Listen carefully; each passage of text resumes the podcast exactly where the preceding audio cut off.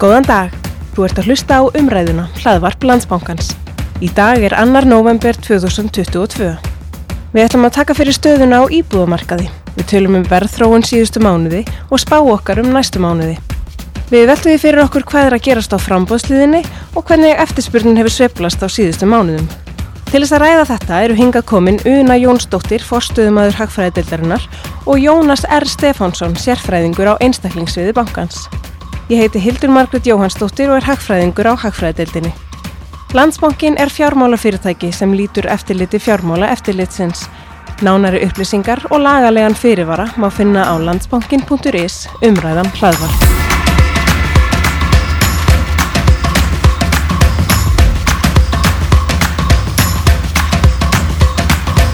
Sælveriði og velkomin. Takk fyrir. Takk fyrir. Um, byrjum bara að taka aðeins stöðuna. Um, það nýjasta er að það hefur hægt mjög á verðhækkunum á íbúðumarkaði og í ágúst lækkaði vísatala íbúðavers í fyrsta sinn síðan í november 2019 um 0,4%. Í september hækkaði hún reyndar aftur um 0,8% en svo hækkun skýrðist öll að verðhækkunum á sérbíli sem reyndar sveiplast bara fyrðulega mikið, við veitum eiginlega ekki af hverju það er. En verða fjölbíli lækkaði um 0,1%. Þessi þróun sínir að markaðurinn er loksins fann að kólna og eitt sem við hefum séð bara mjög greinilega á síðustu mánuðum er það hvernig eftirspurn eftir íbúin til kaupa sveiplast rosalega með aðgengja lánsfjö. Eftirspurnin tók hratt við sér þegar stýrivexti voru lækkaðir mjög svona skarft til þess að örfa hagkerfi í faraldrinum og þá snar hækkaði verðið.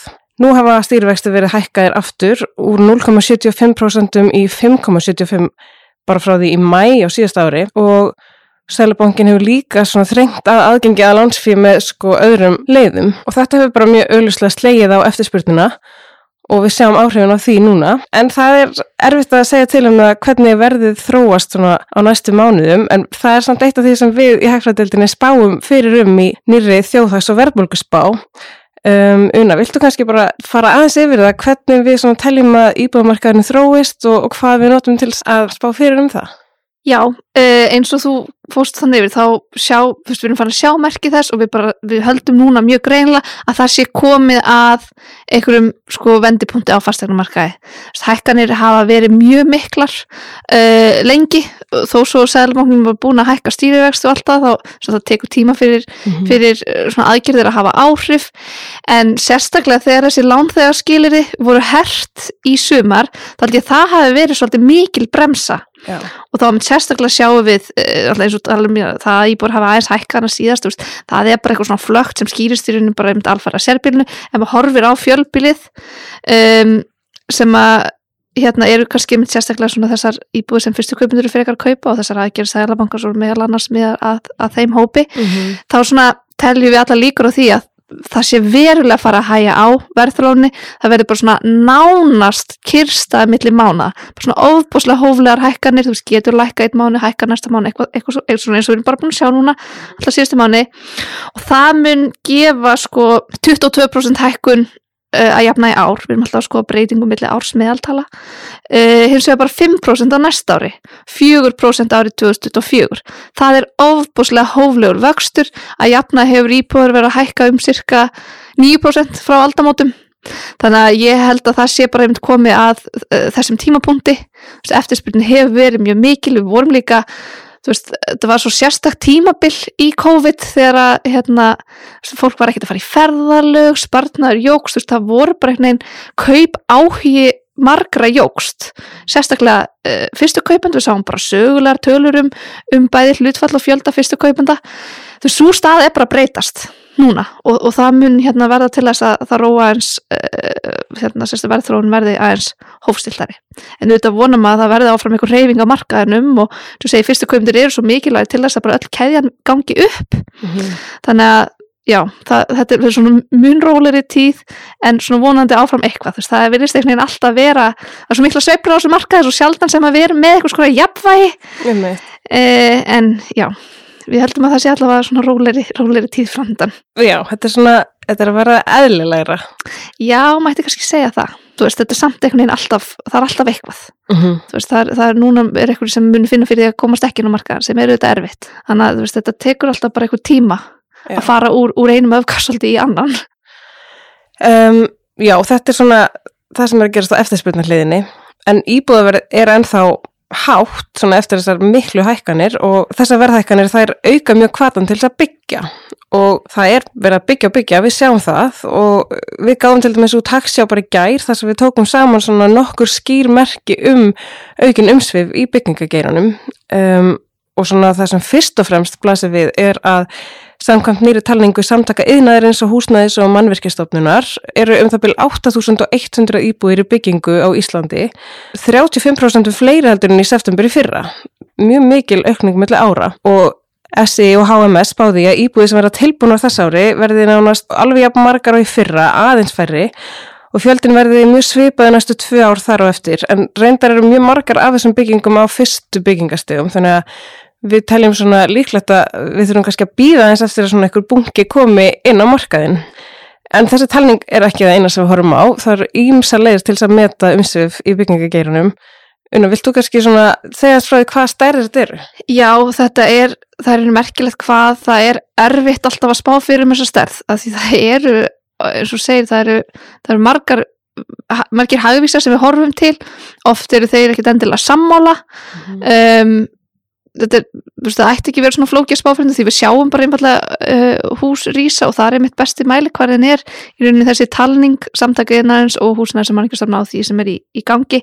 Og eins og segið, þar, þar sjáum við 35% vöxt sem sýnir bara þar ofboslega mikið verið að byggja. Uh, á meðan að, og svo sjáum við líka bara sko vask hérna veldu í greinni vera að aukast fjölda starfandi er að aukast en sko svo sama tíma sína tölur hagstofnar íbúið fjárfesting hafi dreyið saman á fyrirlutas og ég held að það það er bara, hagstofn tók sjálf fram að það ríkti mjög mikil óvisa um þessa tölur. Mm -hmm. ekki ráð fyrir því það sé bara svona meira að fara að koma á setni hluta árs. Þú veist það verði bara mikið byggt. Það var mjög mikið byggt hérna 2019-20 dróst það saman en ég held að verði bara áfram mikið. En það eru þetta alltaf einhver mörg fyrir það hversu mikið er hægt að byggja mm -hmm. eðlilega, bara vantar land og annað.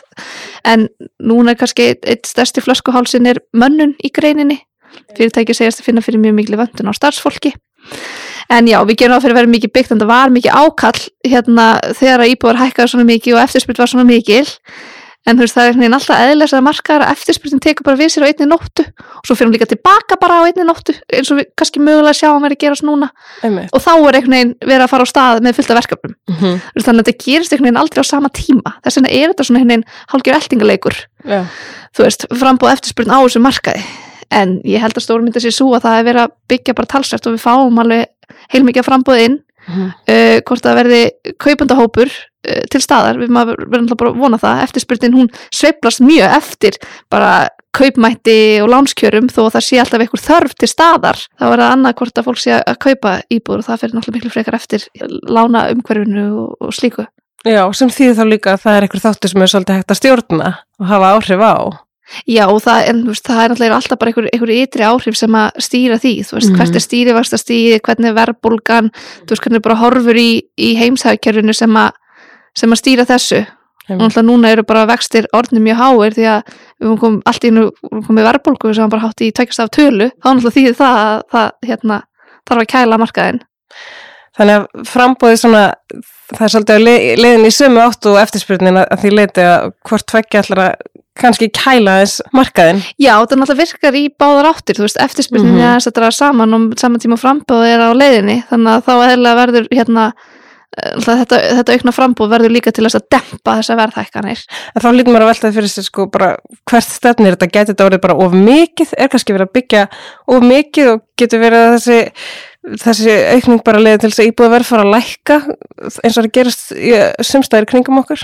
Já, ég, sko, við erum ekki allavega hérna á því íbúið lækki Nei. þrátt fyrir allt, sko en jú, vissulega alltaf hægt á þessu minna áður en vexti lækkuðu svona mikið, þá uh, voru upplýsingar um það að uh, það væri fullt af íbúðum sem væri búið byggja en, en stæði tómar Mm -hmm. sem tekist ekki að selja þess og lækkuð vextir og þá hérna jógst kaupa áhugin en það er svo mikil munur á sko þörf og eftirspurn þú veist það er alltaf þörf til staðar og hún er nú öll bara aukast ef eitthvað er með við tölur um, um hérna aðflutning til landsins sem er bara Nei. sögulega mikill um þessa mundir þannig að auðvitað segja það okkur þá er þörf fyrir íbúðir en þess að ég kom inn á hvort að það er seljast ekki fyrir miklu frekar eftir eftirspyrninni þetta Ok. er alveg svolítið, það er rosalega flókið að finna jafnvægi á þessu markaði? Og eins og við nefndum aðan, þá, þá hefur það kannski einna mest áhrif á eftirspyrnina hversu gott aðgengi er að lánsfé. Og það dreigið verulega úr lántöku vegna íbúðkaupa núna á allra síðustu mánuðum. Og sko það sem er svona kannski það nýjasta sem við sjáum er að verðtryggingin er að riðast sér til rúms aftur um helmingur nett á nýra íbúðalána í september voru verðtryggð. Og það er bara algjör viðsnúningur. Hérna þegar vexti voru í lámarki 2020-2021 þá var bara eiginlega enginn að taka verðtryggt lán. Um, og umfang verðtryggða lána hefur ekki verið jafn mikið síðan bara í mitt ár 2018 og þetta er kannski ekkert skrítið af því að greiðslubyrði óverðtryggða lána hefur aukist svakalega með þessu hækkandi vaxtastígi og sennilega eru bara margir sem hafa ekki um annað að velja en að taka verðtrygt lán, vera að taka lán fyrir íbúð yfir höfuð. Um, Jónas, þetta er svona það sem þú ert með putan í á hverjum degi. Uh, viltu kannski bara segja hans frá því svona hvað þýðingu þetta hefur og það, þetta sé að snúast við að verðtryggingi sé að koma aftur og kannski bara rifja aðeins upp hvaða þýðir að lán sé verðtrygt. Já, sko náttúrulega verð til lán eru uh, með tengdu verðbólgu sem að þýðurinn að vera að, að hérna, höfustól lánsins getur hækkað uh, í upphafi lánstímans, svona aðalega, skulum við segja. En það er alveg rétt að, að hérna, uh, og kannski hefur maður rýnir þessi tölunar og sérun veru af hverju verð til lán hafa sótt í sig veðrið. Bara ef ekki nefnst sér dæmi að út kannski með 40 miljonar lán og, og hérna greiðslibrið á solis láni óvertriðu til 40 ára er um 256.000 eins og stærn í dag með 7,25% vexti. Verðtritt lán uh, líka til 40 ára er á 2,35% vextum í dag. Áborgunar þannig lán er um 178.000 þrátt fyrir að lánstími sé 25 ára því láni. En hinn dæminu eins og nefndum við óvertriðið 40 ára þannig að þarna munar alveg 78.000 krónum á mánuði. Þannig að það er, það er svona, ef maður rýnir að sísa tölur þá munar alveg töluvert um greiðslibyrði þannig að þegar, maður, þegar í þessu vakstöngur eins og núna þá er ekkert skrítið að það eru margir sem horfa á þetta sem svona út, útgangspunkt þegar ákvörðun uh, er tekin hvernig láni ég á að taka. Og náttúrulega alltaf einhver hópur sem er svona hvernig maður orðað að hann kannski er þvingaður inn í þetta þrátt fyrir hann vilji og sækist eftir óvertriðu sækist eftir því að vera með þessa tryggu eignamyndun eins og hann er jafnvel vanur og búin að vera með síðust ár og það er svona uh, gott að bakka eins og, og rýna svona þess í hvernig umhverfið verið alveg síðan uh, 2020-19 þegar maður við erum búin að náttúrulega sjá síðust ára að það er búin að vera stanslega sókn í óvertri lán. Og náttúrulega tala ekki um þegar vextir orðin þetta lágir. Mm. um, Já, bara gjör breytir staðan í rauninni. gjör breytist alveg. Og hérna mörguleiti bara jákvæð maður sá bara eignamyndun var að að aukast gríðarlega og, og það var auðveldur fyrir fólk að stækka við sig og fastar verið hækkað og sliðis þannig að þetta hafa allt mjög jákvæð áhrif. Eins og eins og unna nefndi á hann það er náttúrulega koma þannig hamburinsur inn í kerfið þegar hérna fyrir hittn undir og vextir hækka.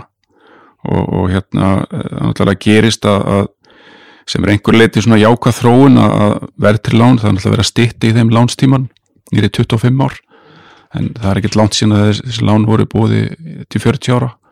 Og það er svona, ef maður sér eitthvað svona, getur við sagt, ljósi myrkri með verð til lán að, að það er strax skára að vera með styttir lánstíma.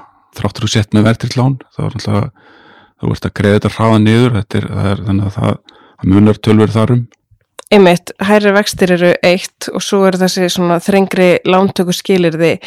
Finnir þið að þau býti fólk fast? Já, það máli segja það. Eh, einmitt ef við bökkum aðeins og þá náttúrulega byrjuðu þessi reglum að, að breytast júni 2021 og þá náttúrulega uh, lækkaði Sælabankin hérna velhutöllin fór nýri 80% fyrir almenna lántengundur uh, 85% vissulega fyrir fyrstu köpundur þannig að það var alveg svona að hugsa fyrir þá að halda auðvöldu aðgengitu sagt svona fyrir þann hóp inn á markaðinn. Uh, Svo í desember sama ár þá er þetta greiðslubyrða hlut að setja á og það er enni í funksjón þannig að hérna þá verið að horfa á tekjur versus áborgun lána.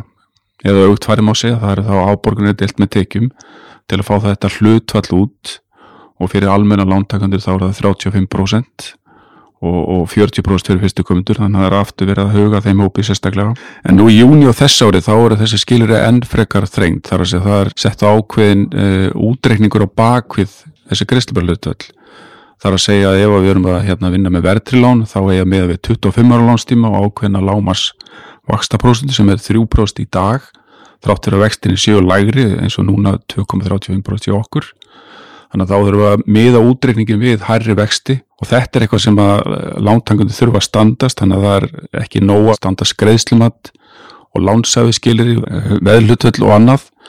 Það er kannski oft þannig að við erum með hérna mál þar sem að lántakundu standast vel greiðslumött þeir eru með lánsæfi skilur í lægi veðlutöll í lægi en þetta er farið að býta þar að þau falla ekki undir þessi viðmi og eru með þá rauninu of háa greiðslubriði og, og sprengja á þessi lutöll þannig að þá eru dæmir ofta að stoppa þarna því meður Já, þessi ákvörðun er eitt hvort fólk getur taka verðtrykt og óverðtrykt lán en svo, sko, hvernig er það? Er ekki margir að vandraðast með að hvort er að festa vextina eða leifa með breytast þegar vextir hafa svona, já, svona tekið svona skarpa dífu og hækka svo aftur svona rætt?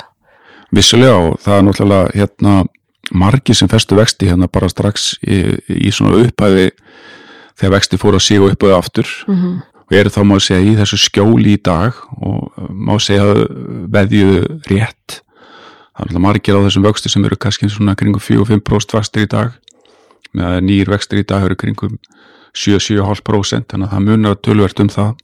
En það er alveg um að gera velta þessu vel fyrir sér sko hvort maður á festið ekki í dag en það má kannski svona leiðan því líkur að það er svona kannski orðað þannig að menn eru kannski svolítið seinir með að festa í dag. Svona ef við horfum til þess að, að fasti vexti til dæmis til 5 ári dag, þeir eru lægri en breytilegi vextir í dag.